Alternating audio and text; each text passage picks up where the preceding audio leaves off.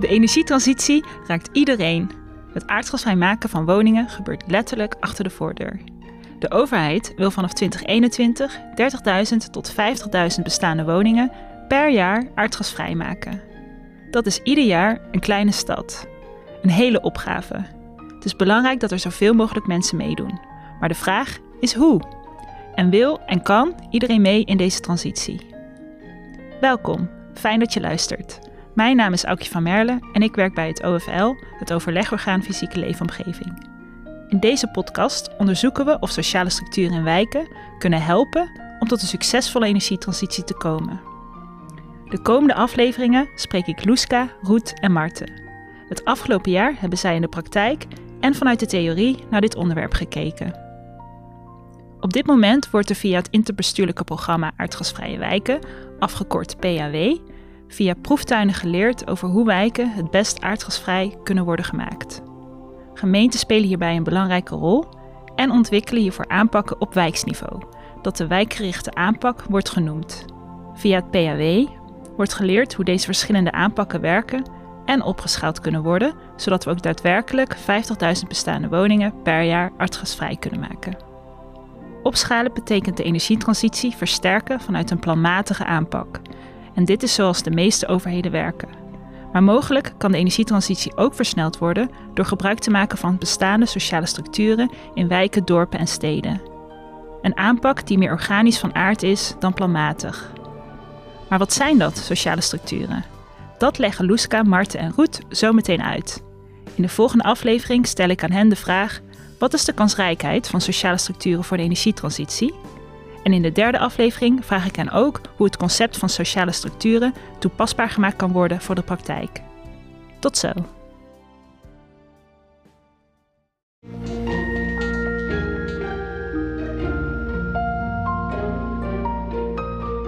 Hoi allemaal, welkom Roet Maurik, eigenaar en onderzoeker bij JuneWorks, en Marten Boekelo, ook onderzoeker en adviseur bij JuneWorks. Jullie doen veel onderzoek en advieswerk en op jullie website hebben jullie dat mooi omschreven als gespecialiseerd in maatschappelijke vraagstukken rondom de transitie richting een democratisch en duurzaam klimaat. Jullie hebben vanuit JuneWorks afgelopen jaar onderzoek gedaan naar sociale structuren in wijken en de mogelijke bijdrage daarvan voor participatie in de energietransitie. Welkom allebei. Dankjewel.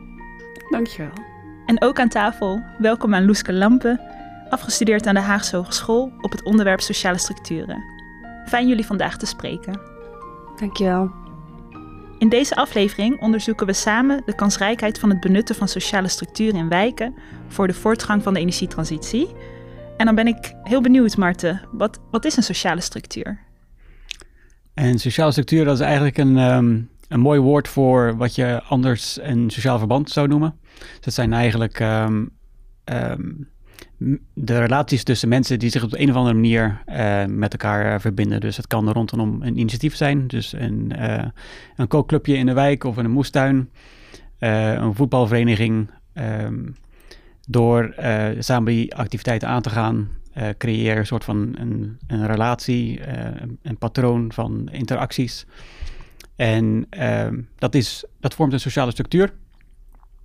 En we kunnen straks ook nog wel hebben over um, sociale structuren die misschien niet, wat, uh, niet zo uh, duidelijk en zichtbaar zijn als dit soort initiatieven. Uh, sociale structuren die, waarvan het patroon en de regelmaat wat, wat minder duidelijk is. Maar in principe, die relaties, dat zijn die um, sociale structuren. Als ik het goed begrijp, is een sociale structuur een manier waarop mensen met elkaar verbonden zijn. Mm -hmm. Ja. En goed, waarom zouden we hier naar moeten kijken voor de opgave waar de energietransitie voor staat? Ik denk dat het belangrijkste antwoord daarop is dat sociale structuren uh, simpelweg het kloppende hart van een, uh, van een wijk zijn. En daarmee wil je feitelijk ook gewoon dat, dat hart meenemen in de transitie. Dat kun je op allerlei manieren natuurlijk ook verantwoorden vanuit de beweging die er op dit moment uh, plaatsvindt van een inclusieve en een rechtvaardige transitie. Maar in de praktijk komt het er eigenlijk op neer dat je een zo breed mogelijk veld aan, aan beelden, verhalen, uh, perspectieven, mensen, wensen wilt meenemen in het proces om een wijk uh, te verduurzamen. En op het moment dat je dus eigenlijk alleen maar de, nou ja, duidelijke, zichtbare, uh, actieve um, structuren meeneemt, zoals energiecoaches, uh, de, de wijkvereniging, et cetera, dan mis je eigenlijk een, een enorme rijkdom aan, aan mensen en ideeën en beelden die feitelijk ook gewoon meegenomen moeten worden. en dat, dat gebeurt op dit moment misschien nog onvoldoende. die mensen die komen nog onvoldoende aan bod en die wil je er juist wel bij hebben. Ja, interessant hoe je dat zegt, dat dat, dat nu onvoldoende nog aan bod komt. Uh, want er wordt op dit moment veel onderzoek gedaan naar welke vormen van participatie met betrekking tot de energietransitie effectief zijn uh, en voor de juiste beweging zorgen. Uh, ik hoor je ook zeggen inclusief en rechtvaardig, dat dit daaraan kan bijdragen. Um, en Marten, jou de vraag, hoe, hoe wordt nu vaak een participatietraject ingestoken? Ja, het, het standaard pakket zou je kunnen zeggen. dat is het, het inspraaktraject. Er uh, wordt ook wel geëxperimenteerd met andere vormen inderdaad, maar dit is het, uh, de standaard uh, methode die wordt gebruikt. En ja, dat is dus ja, de burgerinspraak. Dan wordt er op een gegeven moment worden een aantal plannen voorgelegd en daar kunnen burgers een mening over um, uiten. ze kunnen misschien um, stickertjes plakken en, en dergelijke. Um, en ik wil het niet bagatelliseren, het is ook een belangrijke vorm van inspraak hoor. maar het schiet in, op een aantal manieren wel tekort. Um, en die zou het um, door die aansluiting te vinden bij die sociale structuren in de wijk die er al zijn, zou je dit traject uh, echt kunnen versterken. En Loeska, jij bent voor je onderzoek uh, wijk ingegaan om het concept van sociale structuren te onderzoeken. Ja, klopt. Um, wat voor wijk was dit en wat vond je daar aan sociale structuren? Nou, ik heb eigenlijk onderzoek gedaan uh, naar een buurt uh, die eigenlijk heel veel kenmerken had van een achterstandswijk. En het wordt formeel ook een krachtwijk genoemd. Um, en het woningbestand van die buurt bestaat voor het grootste gedeelte uit sociale huurwoningen. En um, de woningcorporatie daar die heeft een groot onderhoud uh, gepland staan voor dit jaar. En toen hebben ze eigenlijk uh, meerdere vliegen in één klap gepakt en uh, de woning ook gelijk aardgasvrij, aardgasvrij klaargemaakt. En um, ja, ik ben als eerste eigenlijk in gesprek gegaan met met de mensen van de gemeente en van, de, van de woningcorporatie om een beetje een beeld te krijgen, een gevoel te krijgen van de, van de buurt en van de mensen die er wonen. En um, toen werd mij al heel gauw een soort van uh, verteld dat de sociale structuren eigenlijk aan het ontbreken waren. Omdat het een best wel een kwetsbare buurt was, kwetsbare bewoners, bewoners die leven, veel bewoners leven rond het sociaal minimum. En, uh, of hebben een beperking of zitten in criminaliteit. Waardoor er weinig behoefte is om met elkaar dingen te ondernemen. Waardoor er weinig behoefte is om relaties te onderhouden. Uh, omdat ze echt in een overlevingsstand zitten elke dag. Um, en toen ben ik vervolgens ook met de bewoners natuurlijk zelf in gesprek gegaan. En toen werd het inderdaad duidelijk dat er... Hè, die sociale structuren die waren gewoon niet zo heel vitaal. Um, maar tegelijkertijd werd het ook duidelijk dat die bewoners elkaar wel degelijk opzoeken als er bepaalde ontwikkelingen voordoen in de wijk. Uh, zoals bijvoorbeeld zo'n groot onderhoud of het aardgasvrij klaarmaken van een wijk. Um, dus dat soort uh, gesprekken die werden wel degelijk gevoerd, uh, maar dan werden die voornamelijk beperkt tot incidentele ontmoetingen. En um, nou, je ziet dus in die incidentele ontmoetingen, die gesprekken die daarin tot stand zijn gekomen, dat er dan heel veel verhalen en die beelden, inderdaad, die Ruud net vertelde, dat die dus inderdaad naar voren komen. Welke beelden en meningen mensen over zo'n energietransitie hebben. Dus um, ja, daar ben ik wel achter gekomen. En vormen die incidentele ontmoetingen samen dan ook een sociale structuur? Begrijp ik dat dan goed? Ja, wat uh, Martin net ook vertelde, is dat sommige. Uh, uh, het zijn een soort van patronen. En patronen die kunnen. Dat, dat, hè, als, het, als het zich alleen maar beperkt tot incidentele ontmoetingen, is dat ook een soort patroon. Maar dan, is het, dan heb je het dan eigenlijk over een hele. best wel een zwakke sociale structuur. Maar ook dat kan zeker als een sociale structuur gezien worden. Ja, en kun je een aantal voorbeelden geven van incidentele ontmoetingen? Ja, nou, uh, eigenlijk heel simpel. Uh, bewoners, uh, buren die elkaar tegenkomen op de gang in de trappenhal, uh, tijdens uh, het uitlaten van de honden, tijdens uh, in de speeltuin. Um, ja, dat soort, dat soort momenten. En Marten, is dit herkenbaar voor jullie als onderzoekers? Kunnen jullie dit duiden, wat Loeska tegengekomen is in, in de wijk? Ja, als je denkt in, in termen van um, wat zouden participatieprofessionals kunnen doen om aan te sluiten bij die sociale structuren, kan je eigenlijk uh, een beetje drie scenario's schetsen. Eén, je hebt een aantal van die hele duidelijke eh, sociale verbanden zoals een energiecoöperatie, die is bezig met dat onderwerp. En die gaan ook aankloppen bij de gemeente van, hé, hey, eh, wat eh, doen jullie hier aan? Of wij willen dit en dat. Eh, wat is er mogelijk? Eh, en die zijn dus bekend en zichtbaar. Eh, daarnaast heb je eh, sociale verbanden die, waar een participatieprofessional misschien niet in eerste instantie aan zou de- denken. Ehm, en dat zijn, nou, laten we zeggen, de voetbalclub of, eh, of zelfs de, de moestuin. Eh, dat zijn sociale verbanden die, ehm, dat, die zijn sterk, eh, maar misschien wel minder zichtbaar. En daar moet je ehm, de wijk voor ingaan om die, om daar, die te vinden en daar iets mee te doen. En dan vervolgens heb je ook dus deze eigenlijk losse of zwakke sociale verbanden. die, waar je eigenlijk zou in moeten investeren. om daar om die, ehm, ja, die activeren in zekere zin. Zodat die ook eh, eh, op een constructieve wijze mee kunnen doen en in een zo langer participatietraject. Ja, precies. Want nog even voor de verduidelijking, waarom is het belangrijk om ook in die laatste dan te investeren? Ehm, dat heeft te maken met die, die zichtbaarheid. Ehm, hoe onzichtbaar mensen zijn, hoe eh, minder eh, kans je eigenlijk hebt om aan te sluiten bij wat deze mensen kunnen en wat deze mensen willen. Eh, je, een, heel, een gedeelte van de wijk is gewoon onzichtbaar voor je als gemeente of als participatieprofessional. Ehm, en dus eigenlijk is de, de beloning heel groot als je inderdaad in die mensen investeert. Ehm, zowel voor die mensen zelf, want die zijn eh, wellicht niet gewend om gehoord te worden. Maar ook als een leerrijke ervaring voor de gemeente, omdat die misschien niet gewend zijn om op deze manier te luisteren. Ja, ja. En je zegt ze zijn onzichtbaar en tegelijkertijd wil je ze eigenlijk zien of zichtbaar maken. Ehm, klinkt ook, is ook weer klinkt para- paradoxaal. Dus hoe doe je dat als professional? Is het, is het dan kansrijk als je het niet meteen ziet of kan vinden? Eh, ja, de kansen zijn er zeker. Eh, en het heeft een investering nodig. Ehm, en dat betekent eh, dat je ehm, eh, ja, toch de wijk in moet en ehm, letterlijk of figuurlijk aan moet bellen bij, bij mensen.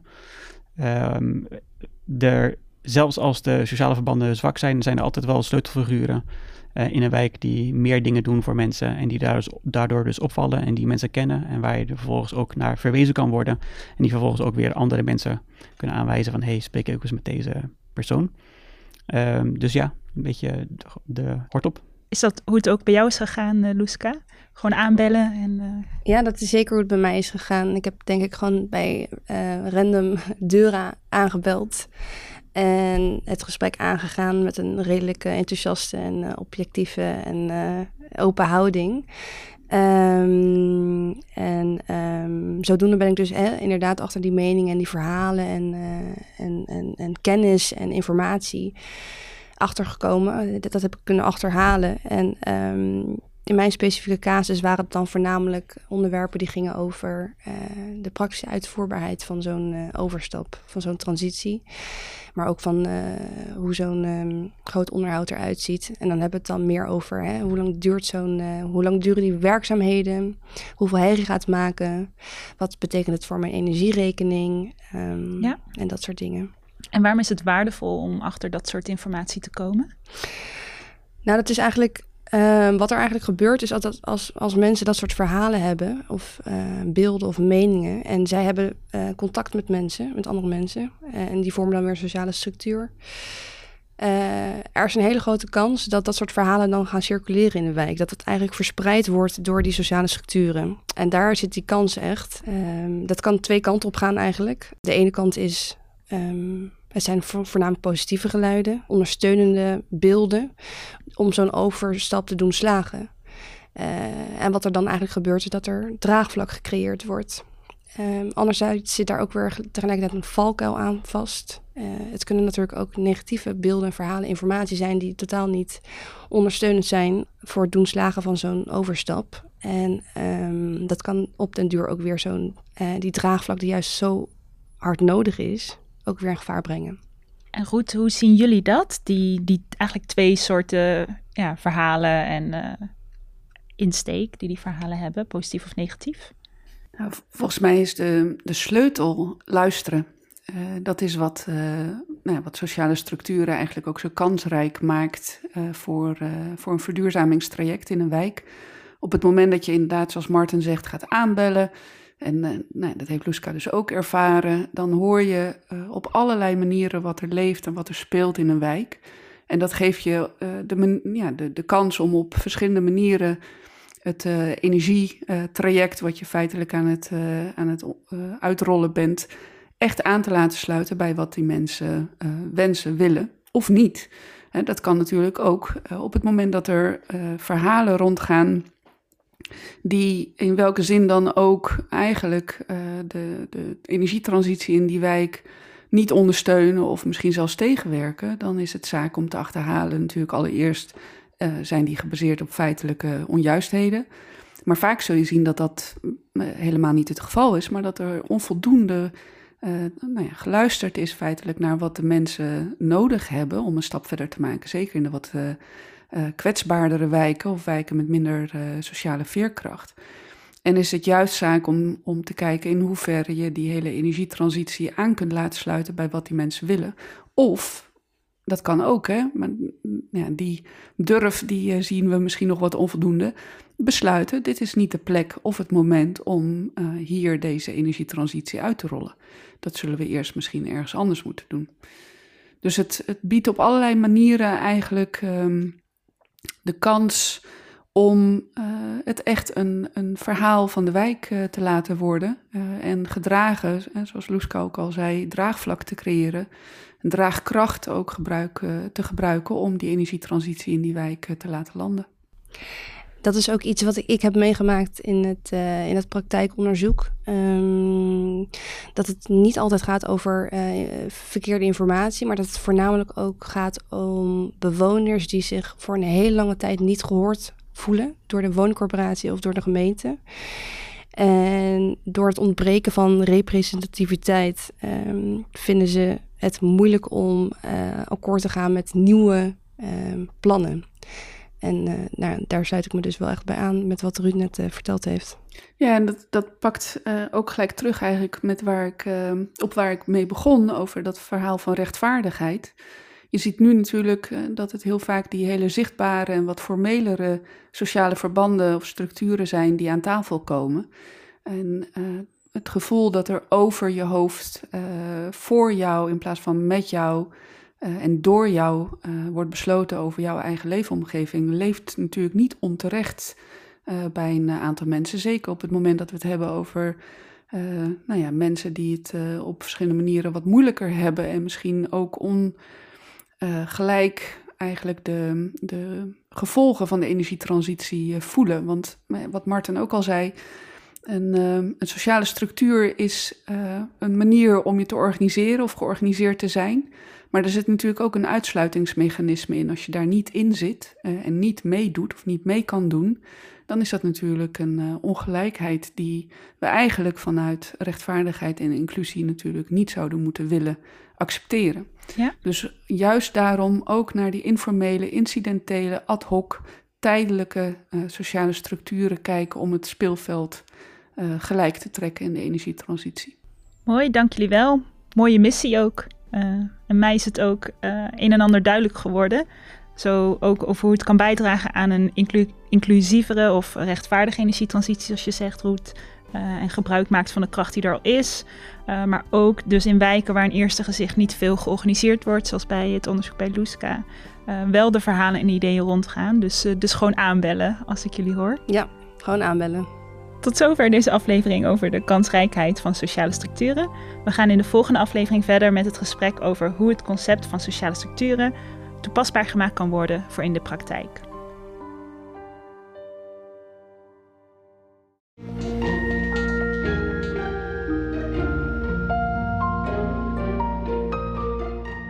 Welkom terug, luisteraar, bij de derde aflevering van deze podcast. In de vorige aflevering hebben we het gehad over de kansrijkheid van sociale structuren voor het bevorderen van de energietransitie in wijken. Daar kwam naar voren dat eigenlijk Roet, Marten en uh, Luska positief staan tegenover de kansrijkheid van sociale structuren.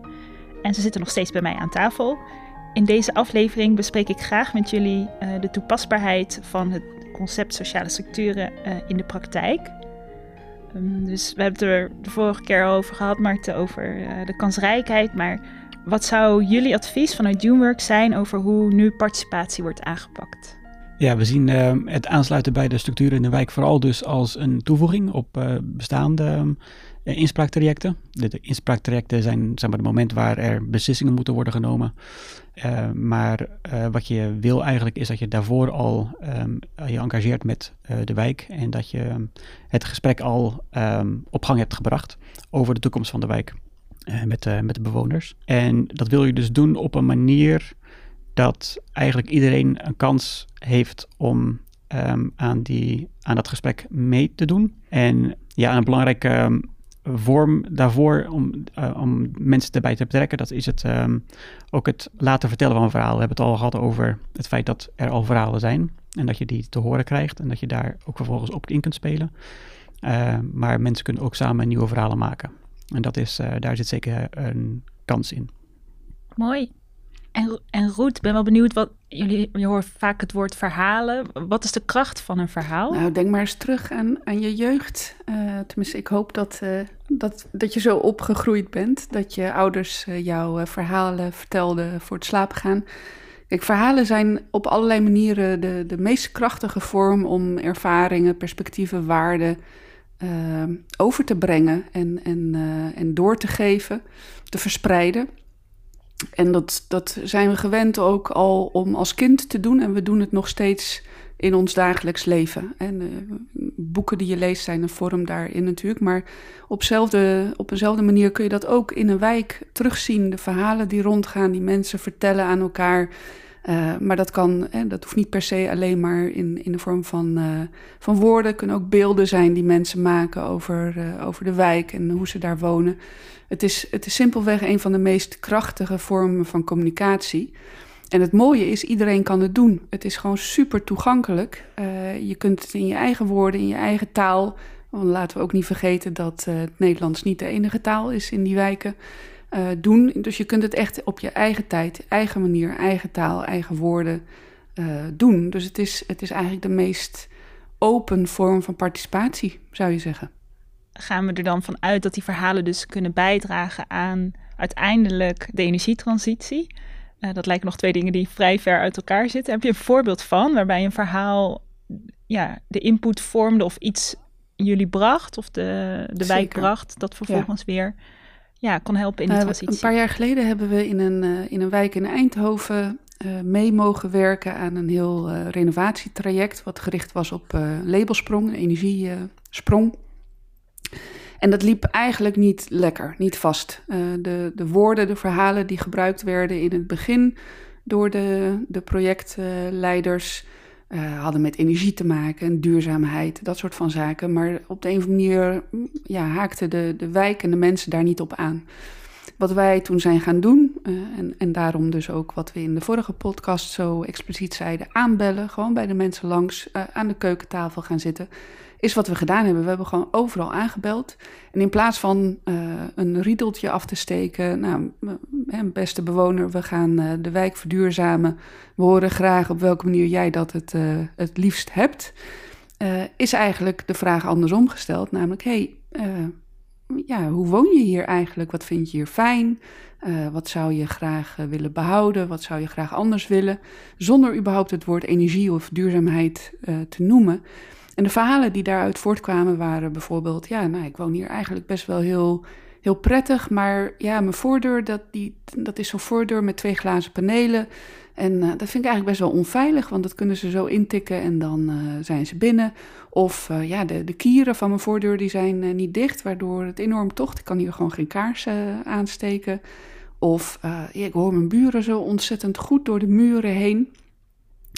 En dat, die verhalen, die wensen, die behoeften, die ervaringen, die zijn gebruikt om te kijken hoe kan dan dat, dat renovatietraject uh, helpen om die wensen of die problemen uh, aan te pakken.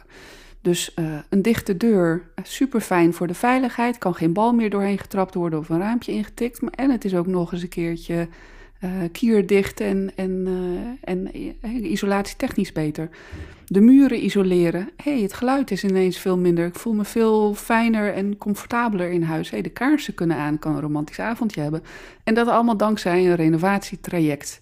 Dus dat is, dat is hoe je uh, op dat niveau bij de mensen thuis natuurlijk al überhaupt gewoon uh, zo'n verduurzaming veel, veel beter aan kan laten sluiten bij wat die mensen willen en, uh, en wensen. Ja, mooie voorbeelden van uh, ja, gewoon heel anders dan begrijpen hoe iemand daar woont en daarop aansluiten in plaats van inderdaad, we gaan het gewoon renoveren. Loeska, is dat voor jou uh, herkenbaar, dit soort verhalen, in, toen jij de wijk inging? Ja, zeker weten. Eigenlijk alles wat Ruud net verteld heeft, daar, dat heb ik meegemaakt. En um, wat ik ook heel erg merk is dat, uh, dat we meestal de usual suspects betrekken in dit soort wijkopgaven. Um, terwijl willekeurige bewoners vaak ook gewoon een eigen verhaal hebben, die waardevol kunnen zijn. of die eigenlijk al waardevol zijn. En um, dat heb ik eigenlijk gewoon, gewoon gedaan door inderdaad aan te bellen en voornamelijk in een soort van observatiestand te zitten. En alleen maar te luisteren naar hoe mensen hun uh, buurt ervaren of uh, hoe mensen hun eigen woning ervaren. En dan kom je er gauw genoeg achter um, waar er koppelkansen liggen. Zoals uh, de buurt die ik onderzocht heb, um, had inderdaad problemen met tocht, heel veel. En um, geluidsoverlast en nou ja, dat zijn eigenlijk allemaal koppelkansen die je super erg kan uh, gebruiken als je zo'n energietransitie wilt gaan doen. Om inderdaad gewoon te isoleren. Je hebt een win-win situation doordat je dus inderdaad aan de ene kant de woningen comfortabeler en veiliger maakt voor de bewoners. Maar aan de andere kant ook je duurzaamheidsdoelen kan behalen. Ja, en koppelkansen, dat, dat woord wordt vaker gebruikt. Roet, is dat ook waar jullie naar streven als jullie zo de wijk in gaan en aanbellen? Ja, maar wel net andersom. Dus eigenlijk precies zoals Loeska het net zei. En een win-win situatie uh, waarbij de, de waarde en de meerwaarde voor de bewoner eigenlijk als doel wordt gebruikt en dan uh, de energieverduurzaming uh, als middel. Terwijl dat natuurlijk in de praktijk heel vaak ook in de verhalen die verteld worden vanuit degene die die processen starten, andersom wordt gedaan. Oh, we gaan een we gaan een energierenovatietraject, aardgasvrij. Oh, oh, er zijn misschien ook wel koppelkansen in de zin van veiligheid of sociale cohesie. Nee, andersom. Als je echt serieus aan de slag wilt met het vooropstellen van de waarde voor de bewoners uh, en hen centraal wilt stellen, dan is energie de koppelkansen, niet andersom. Ja, dus gewoon echt een volledige wissel van perspectief. Ja. Doe je dan. Ja. En Loeska, in deze podcast kijken we naar hoe kan dit toepasbaar gemaakt worden in de praktijk. Nou, jij hebt het ook gewoon al gedaan. Mm-hmm. Um, hoe kan een participatieprofessional dat, dat doen? Uh, hier, hier meer gebruik van maken? Um, nou ja, wat ik al meerdere keren nu heb gezegd, denk ik, is om echt aan te bellen en uh, met de bewoners zelf in gesprek gaan. Um, en uh, ik heb dat met een hele objectieve en uh, enthousiaste houding gedaan. Ik moet ook zeggen dat ik waarschijnlijk in een gunstige positie verkeerde omdat ik zelf een student ben. En um, hè, nadat, hè, op het moment dat bewoners erachter kwamen dat ik echt van, van, vanuit een school uh, bezig was met een, met een project uh, in de wijk, merkte ik dat ze ook langzamerhand wat opener werden. omdat er in het verleden vaker um, zich situaties hebben voorgedaan waarbij um, er niet zoveel behoefte meer is om met de wooncorporatie of met iemand van de gemeente in een gesprek te gaan. Dus ik denk dat ik daar al een stokje voor had. En, um, en ze echt gewoon alleen maar de vraag te stellen: hè, um, hoe voel jij je in deze wijk? En um, zeker weten ook als participatieprofessional zou ik dus ook willen aanraden om niet gelijk met woorden en termen als energietransitie en aardgasvrij uh, als een deur in huis te vallen. Want het kan nog best wel een zijn best wel heftige termen voor mensen die eigenlijk totaal niet met de energietransitie bezig zijn. Maar dat je dus inderdaad, hoe Ruud het net ook uh, verteld heeft, eerst in gesprek gaat uh, met hè, hoe de mensen zich in hun woning voelen. En langzamerhand kan je dan op hele praktische wijze eigenlijk gaan praten over verduurzaming van een woning. Ja. Um, dus dat is het eigenlijk. Het doel van zo'n gesprek moet niet zijn verduurzaming inderdaad, maar meer van uh, waar, waar liggen die koppelkansen. Dat is eigenlijk het onderliggende doel die je misschien moet hebben. En interessant wat je eigenlijk zegt, want ik vroeg van oké, hoe, kan een participatieprofessional dat doen? Maar je zegt ja, ik kwam daar eigenlijk als student, dus je hebt een andere positie en daardoor wordt het misschien wel makkelijker. Um, dat roept op de vraag, en die stel ik even aan jou, Roet, van, van wie, zou het, wie zou dit moeten doen? Wie zou er moeten aanbellen? Ja, dat is een lastig, hè? Want uh, meestal zie je natuurlijk dat uh, de wijk uh, dan benaderd wordt door vertegenwoordigers van de gemeente of van de woningcorporatie. En uh, nou ja, met, met alle respect, vaak is, is uh, die relatie natuurlijk al beladen. Heel vaak hebben de mensen die daar wonen uh, de idee dat er voor en door, over hen heen besloten wordt door die partijen. En dat ze in die zin weinig inspraak hebben gehad. En dan is de vraag in hoeverre ze zich volledig open willen stellen om mee te werken, mee te praten, hun verhalen te delen. En uh, wat, wat Luska nu uh, beschrijft, dat, dat is enorm herkenbaar, maar ook dus enorm krachtig. Juist uh, de kracht van de jeugd, de nieuwe generatie gebruiken. Gebruik studenten, doe het in teams, dan is het ook gelijk veilig. Door, ehm, door hen aan te laten bellen en te laten vragen naar de ervaringen van de mensen in de wijk. En uh, wat, je, wat je ziet is dat zo'n zo'n groep jonge mensen vaak veel ontwapenender en uitnodigender eigenlijk is om je verhaal aan te vertellen dan uh, iemand van de gemeente of de woningcorporatie.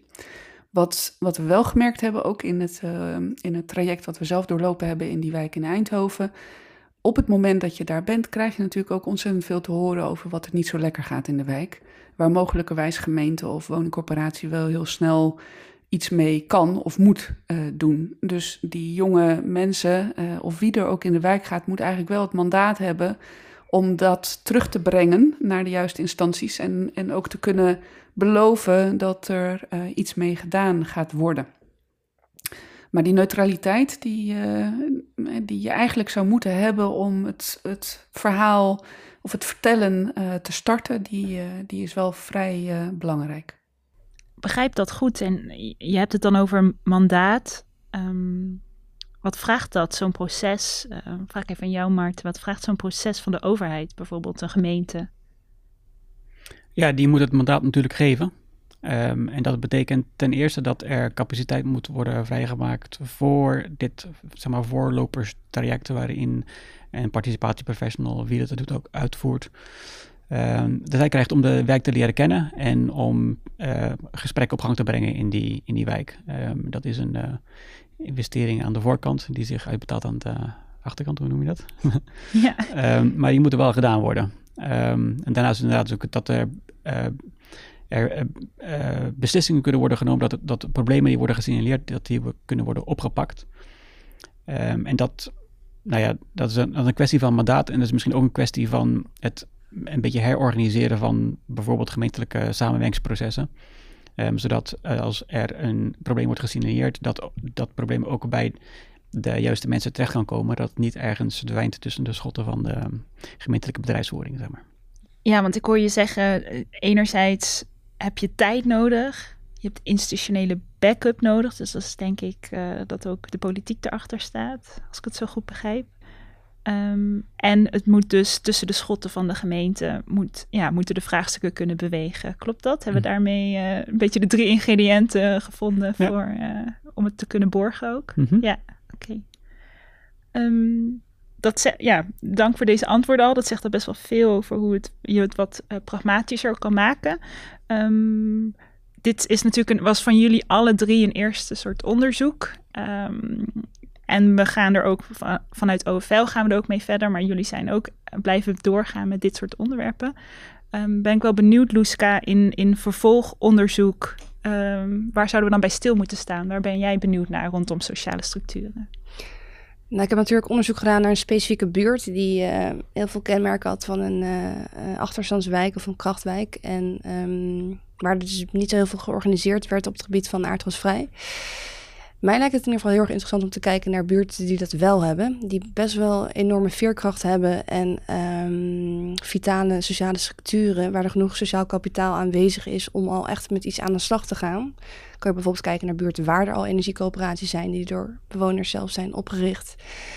En daarin dan te onderzoeken hoe sociale structuren daar een rol in hebben gespeeld. En op welke manier verhalen, um, meningen, kennis, informatie, de verspreiding daarvan een rol hebben gespeeld in die tot, totstandkoming van die coöperaties, maar ook um, hoe ze nu nog een rol spelen. Um, dat lijkt me heel erg interessant. Ja? ja, klinkt als een mooi onderzoek. Ja. En Marten, waar, waar ben jij benieuwd naar voor vervolgonderzoek?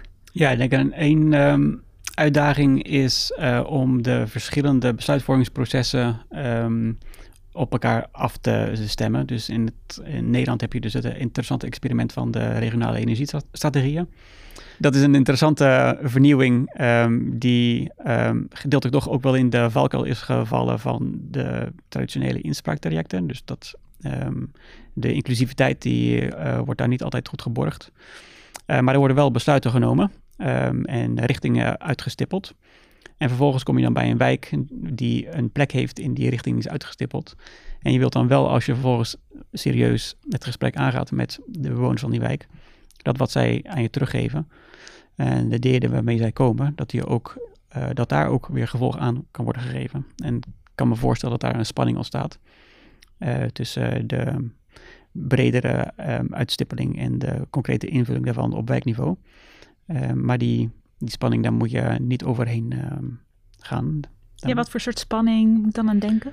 Als er een aantal plekken zijn aangewezen voor nou ja, een stereotyp voorbeeld om uh, windmolens te plaatsen. En de bewoners die zien het niet zitten um, om op die specifieke plek bij hun in de buurt, om die, dat specifieke soort windmolens neer te zetten. Wat doe je dan met die, met die input? Ja, ja. Dus dat is eigenlijk ook al tussen wat er, de verhalen die er al leven en dan toch wel weer op een hoger niveau waar de besluiten worden genomen, daar de spanning tussen. En hoe je dan, klopt het, hoe je dan die sociale structuur en die verhalen wel weer gebruikt ten voordele in plaats van dat het uh, alleen maar spanning oplevert. Ja, uh, ik denk als je, het, als je het goed weet te doen, dan heb je, vind je ook manieren om die spanning op te lossen samen met de buurt. Um, en niet alleen maar een, uh, een tegenstelling creëert tussen ja, wat zij hebben besloten ergens, mensen die we niet kennen en, ja. en wat wij hier nu moeten verduren. Maar daar hebben jullie nog meer onderzoek voor nodig of, of in ieder geval verkenning om, om daar. Uh, ja, ik denk dat er nog niet zo heel veel bekend over is over hoe die niveaus, zeg maar, uh, ja. op elkaar uh, afgestemd gaan worden. Ja. Hm. En Roet, voor jou, wat vindt, ben jij benieuwd naar voor vervolgonderzoek? Nou, de, de, de twee onderwerpen die Luska en Marten net hebben benoemd, die spreken me zeker ook enorm aan. Um, mm -hmm. Maar laat mij er dan eentje kiezen, heel, heel erg lokaal. Um, kijk, er gebeurt nu ontzettend veel. Uh, er wordt al heel erg veel met die verhalen gewerkt. Verschillende partijen zijn in, in de wijken bezig om uh, met storytelling of andere methoden die toch ook met verhalen te maken hebben, uh, alles op te halen en bij elkaar te brengen.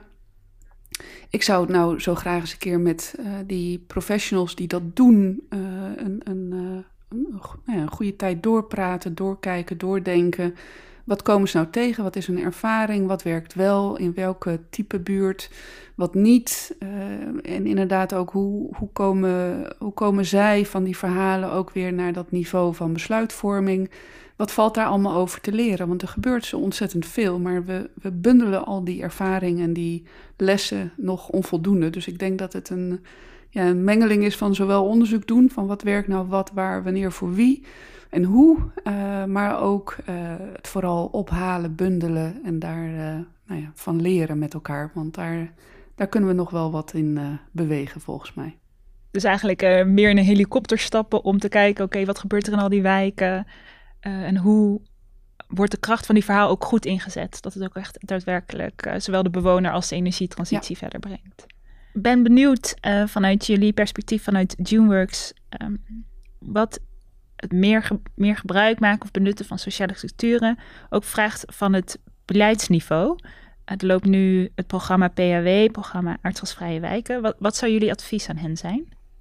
Ja, er, er is wat uh, ontevredenheid en frustratie over het, uh, het PAW. Eh, met name over dat ehm, de doelstellingen niet worden gehaald. Um, en het is misschien um, een beter om op een andere manier over die doelstelling na te denken. Nu is het, we gaan, weet ik veel, 35.000 uh, woningen van het gas afhalen. Maar misschien zou je juist het programma moeten zien als een, een leerervaring, als een lerende, lerend programma dat uh, belangrijke lessen gaat leren. En die lessen die zijn uh, met name, denk ik, um, de manieren waarop je mensen um, verschillende groepen mensen bij die energietransitie kunt betrekken. Um, en daar heeft het nog veel te leren, want een van de grote kritiekpunten van, het, uh, van de programma's nu zijn dat er eigenlijk al kant-en-klare oplossingen worden aangedragen aan een wijk en dat de mensen daar niet heel veel meer over te, te vertellen hebben. Ook als ze zelf goede ideeën hebben over hoe het anders zou kunnen. En een ander punt is dus dat ze niet heel erg snel gaan, omdat het blijkt heel erg moeilijk blijkt om hele wijken van het energie, van het gas af te halen. Ehm, maar het alternatief om te focussen op wat het makkelijkst van het gas te halen is, namelijk alle rijtjeshuizen die een beetje op elkaar lijken. Ehm, die, ehm, dat zou eigenlijk alleen maar in het voordeel werken van mensen die al een zekere kapitaalkrachtige positie in de samenleving hebben. Uh, dus die inclusiviteit wordt daarmee niet, niet geborgd. Dus de, de, de kans van het PAW is inderdaad om um, te leren hoe je mensen betrekt, hoe je maatwerk kunt leveren en daarmee ook de solidariteit uh, onder de energietransitie kunt borgen. Mooi advies, denk ik. Goed, heb jij daar iets op aan te vullen? Ja, een uh, wat radicaler uh, uh, aanpak misschien ook. nog ambitieuzer. dus dat het programma Uitgasvrije Wijken eigenlijk het programma Leefbare, Gezonde, Fijne, dat bekt niet lekker, maar zoiets wijken zou moeten worden. Want ja, daar waar je woont, daar waar wij wonen, het gaat ook om ons daar komt alles bij elkaar. Alle opgaven waar we mee te maken hebben, alle transities komen bij ons thuis, achter de voordeur en in de wijk uh, aan. En dat betekent eigenlijk ook dat als je uh, de transitie uh, wilt aanpakken, je dat ook in die nou ja, volledigheid moet willen doen. Dus niet alleen aardgasvrij, maar kijk ook naar de gezondheid, naar de veiligheid, de sociale cohesie uh, et cetera, et cetera. En dat vraagt, uh, dat vraagt veel van een uh, overheidsinstantie, want dat vraagt volledige ontschotting en samenwerking over thema's en afdelingen heen. Een heikel punt, maar wel een, een, nou ja, volgens mij een noodzakelijke stap als we dit met elkaar willen gaan realiseren. Ja, dus dan zou je advies zijn, noem het niet programma aardgasvrije wijken, maar ja, gewoon leefbare wijken en neem dat als focuspunt wat er leeft in de wijk. bestendige wijken. Ja, de naam doet er niet toe. Het gaat erom dat... Uh, vanuit het eh, perspectief van de wijk.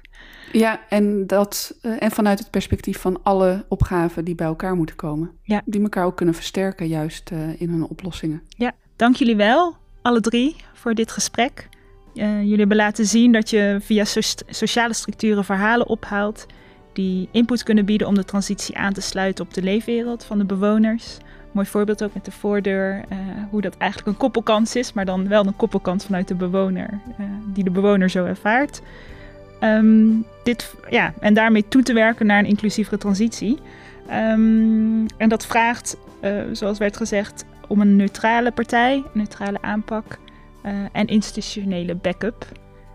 Het OFL, Overlegorgaan Fysieke Leefomgeving, gaat dit jaar in 2021 verder met onderzoek naar sociale structuren. Daarover in de volgende korte aflevering meer. Dank jullie wel. Graag gedaan. Ja, dankjewel. Graag gedaan.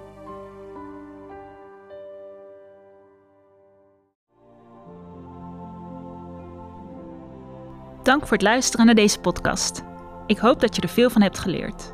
Ik in ieder geval wel. Het overlegorgaan Fysieke Leefomgeving, ook wel OFL genoemd, gaat verder met dit onderwerp. In 2021 onderzoekt het OFL hoe bestaande sociale structuren in een wijk versterkt en vergroot kunnen worden. Dit noemen we ook wel het empoweren van de sociale structuur. Met empowerment bedoelen we het steunen en bekrachtigen van de sociale structuur, zodat deze structuur een belangrijke rol kan spelen in de energietransitie.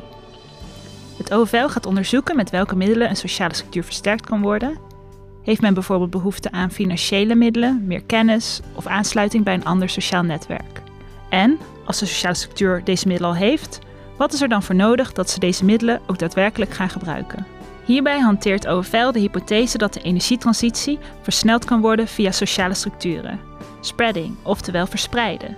Dit is een andere en mogelijk aanvullende aanpak op het planmatig opschalen door de overheid, van wijk naar wijk, scaling, oftewel opschalen. De hypothese heet dan ook in het kort spreading, not scaling.